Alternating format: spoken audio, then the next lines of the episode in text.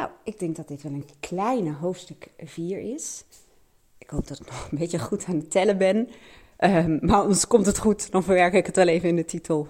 En uh, het grappige is dat ik um, vaker als ik terugkijk, nou, ik noem het maar even, um, grote veranderingen. En misschien zijn mijn woorden ook helemaal niet heel erg handig om te kiezen. Grote veranderingen of transformaties. Ik bedoel, hoe krijg je je brein in de weerstand? En dat hoeft natuurlijk niet altijd zo te zijn, maar um, mijn ervaring is wel dat mijn eigen brein soms een beetje in de weerstand kan schieten als ik dingen zeg als grote veranderingen, het moet anders. Of nou ja, wat voor woorden dan ook die um, voor mij in elk geval, voor mijn brein, we het zo zeggen, een, bepaalde betekenis hebben. En vooral, en dat heb ik jou in de vorige hoofdstukken ook wel verteld, dat als ik dit uitspreek, um, op een moment dat mijn leven gewoon heel erg goed is.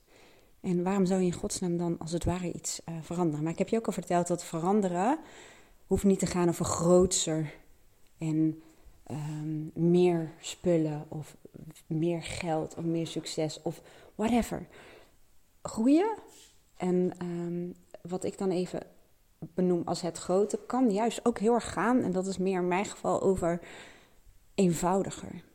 Ik uh, hoorde vandaag een podcast en iemand had het over ease and peace. Toen dacht ik, ah, die vind ik dan wel heel erg leuk. En, um, maar dat is niet het enige. Ik wou zeggen, misschien is dat wel een samenvatting, maar dat is helemaal niet de samenvatting. Want het gaat eigenlijk over. Um, ja, ik, ik gebruik best wel veel containerbegrippen. En dat is juist ook wel inherent aan de fase waarin ik zit. Want bij mij in afval en bij mijn klanten uh, zie ik dat ook heel veel. Dat um, als je ik noem het ook maar weer even met het containerbegrip, je visie gaat uitwerken. Eigenlijk is het gewoon het bewust worden van wie je werkelijk bent en wat je echt wilt, om het zo te zeggen. En wat echt belangrijk voor je is. En ook onderscheid gaan maken tussen nou, wat je dacht dat belangrijk was. Want heel veel dingen ja, nemen we ook over. Of we nemen normen over hoe het hoort, of hoe we denken dat het hoort. Of, en, en dan is het echt super interessant om te kijken, maar wat is nou echt voor jou? En wat maakt jou nou echt heel erg um, gelukkig?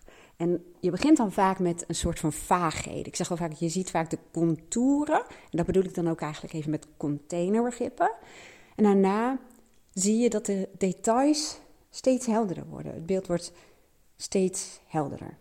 Nou, um, wat ik nu ga delen, en ik hou het kort, want Rachelle is onderweg. Samen met haar heb ik Mindshifters en Um, het is natuurlijk niet geheel verrassend. Wij hebben vandaag een strategiedag. Ze komt helemaal uit Zeeland uh, naar mij toe.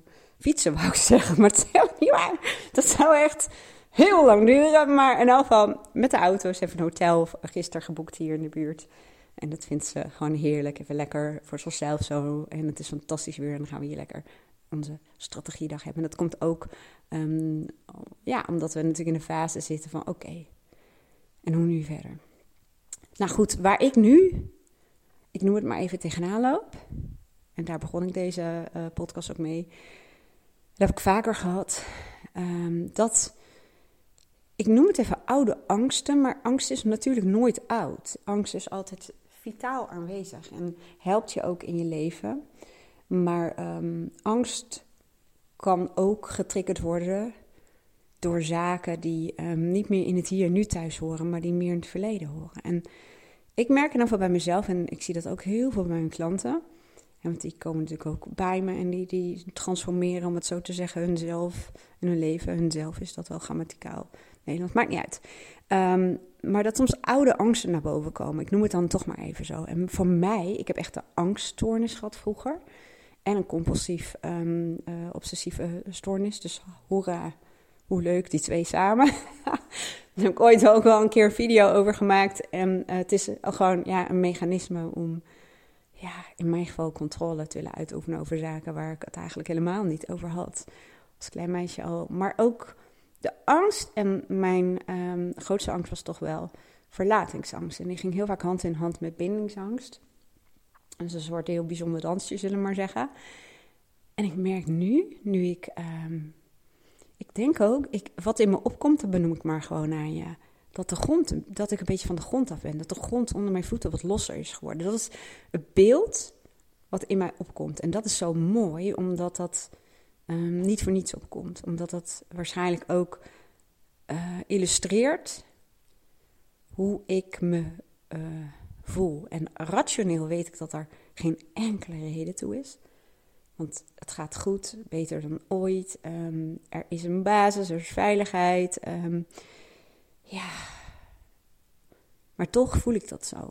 En dat heeft ook wel te maken met als je iets verandert dat hartstikke stabiel is, dan kan dat ook aanvoelen als dat in één keer de grond onder je voeten uh, ja, losser wordt. En dat zorgt er bij mij voor, nu en dan van merking, ik heb dat dus wel vaker gehad. Ik neem even een slokje van mijn cortado, wacht even hoor. Mm. Oh, lekker voordat het weer koud wordt. Um, maar dat ik, ja, die verlatingsangst wordt in één keer getriggerd. En hoe dat zich bij mij uh, uit, is um, de angst om mensen om me heen te verliezen. Uh, en in één keer de angst dat Aaron mij gaat verlaten. En rationeel, zullen we zeggen, ben ik me daarvan bewust.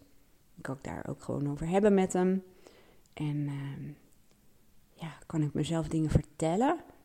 Maar dat weet jij waarschijnlijk ook als je luistert. En dat weten klanten bij mij ook. Van, je kunt iets wel weten. Je kunt rationeel iets wel weten. Je kunt jezelf vertellen dat er geen redenen zijn en, en waar het vandaan komt. Maar, en dat is ook weer ja, uh, gerelateerd aan de methode voice dialogue die ik vaak gebruik. Je vertelt dat eigenlijk tegen een deel dat misschien wel aan je stuur zit. Nou, dat voel ik bij mij niet, maar wel heel dichtbij me is. Dus als je tegen angst zegt, bijvoorbeeld iemand met vliegangst. Ja, maar er is maar zoveel procent kans op. Angst is van de afdeling angst en risicocalculatie, zullen we maar zeggen. Nou, niet helemaal, maar goed. Daar baseert uh, angst, angst wel op, zullen we maar zeggen. En die zou denken, ja, zie je nou wel, zoveel procent kans. En je kan lullen als brugman, maar je hebt het tegen angst. En dat is ook vaak waarom mensen zeggen, ik weet het wel rationeel, maar ik voel het niet. Ik weet bijvoorbeeld wel, zeggen heel veel mensen, dat ze moeten loslaten. En dat ze mogen vertrouwen, maar ze voelen het niet. En, um, en dat is nu wat ik um, voel. En ik ga je in de volgende hoofdstukken, nou, ik denk niet dat het hoofdstukken zijn, het zal een hoofdstuk zijn, vertellen hoe ik dat in mijzelf. Um, ja, ik kom dan toch weer bij het woordje transformeren. Vandaag zijn alle containerbegrippen waarschijnlijk in de aanbieding. Maar um, angst hoeft niet weg. Angst is iets om mee te werken, om heel serieus als het ware naar te luisteren. En, uh, ja, en, en te onderzoeken wat zijn de onderliggende kwetsbaarheden en behoeften.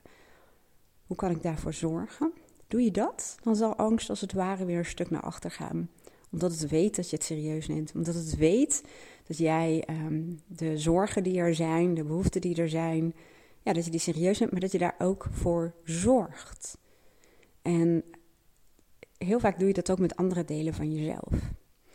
Um, en dat is ook vaak de volgende fase, dat ik kijk, oké, welke delen in mij heb ik nu in deze fase, of voor, voor of je kan ook zeggen voor dit doel, of dit verlangen, of deze wens, um, nodig. En ik zou eigenlijk liever zeggen ook nodig, waarbij ik dus ook aangeef dat angst nog steeds gewoon welkom is. Die hoort als het ware ook gewoon in mijn bus. Zeker, want zonder angst zou ik hier helemaal niet staan. En dat is um, wat ik je in het komende hoofdstuk zal laten zien. Maar ik ga eerst vandaag, en dat heeft dus alles te maken met het hele luisterboek of podcast of wat het dan mogen worden, uh, samen met Rachel een strategiedag doen. En uh, ja, dat is eigenlijk dezelfde fase om te kijken, oké, wat hebben we de afgelopen eh, tijd gedaan? Hoe zien we samen de toekomst voor ons? Hè, wat zijn onze rollen daarin? En um, dan ook heel strategisch eigenlijk, oké, maar wat gaan we dan eerst doen? En hoe zetten we dat weg in de tijd, als het ware? En uh, dat is voor ons ook leuk, want wij zijn allebei um, ja, persoonlijkheden met nogal veel creativiteit, ideeën, heel snel getriggerd. En uh, wat ons allebei, hebben we allebei wel geleerd, heel erg helpt om dingen ook echt voor elkaar te krijgen. Want zij heeft natuurlijk ook haar bedrijf opgezet. En um, ja, maakt ook dingen af, zullen we maar zeggen. Dat is ook om dat te combineren met keuzes maken, prioriteiten stellen um, en die heel belangrijk maken. En um, ja, focus, structuur. En dat hebben we gelukkig allebei ook in ons. Dus dat is best wel leuk om daar gewoon zo mee te werken. Maar ja, ook te kijken wat hebben we niet en, en welke mensen passen daar misschien dan wel bij. En hoe gaan we dat dan als het ware organiseren? En hoe laten we ons niet afleiden? En, en soms is er iets waar, wat de moeite waard is om je te laten afleiden, om het zo te zeggen. Dus dat zijn allemaal leuke dingen die we vandaag gaan doen. En daar zal je vast meer over gaan horen op mindshifters.nl. Ik wens jou een hele mooie dag en ehm, heel graag tot het volgende hoofdstuk.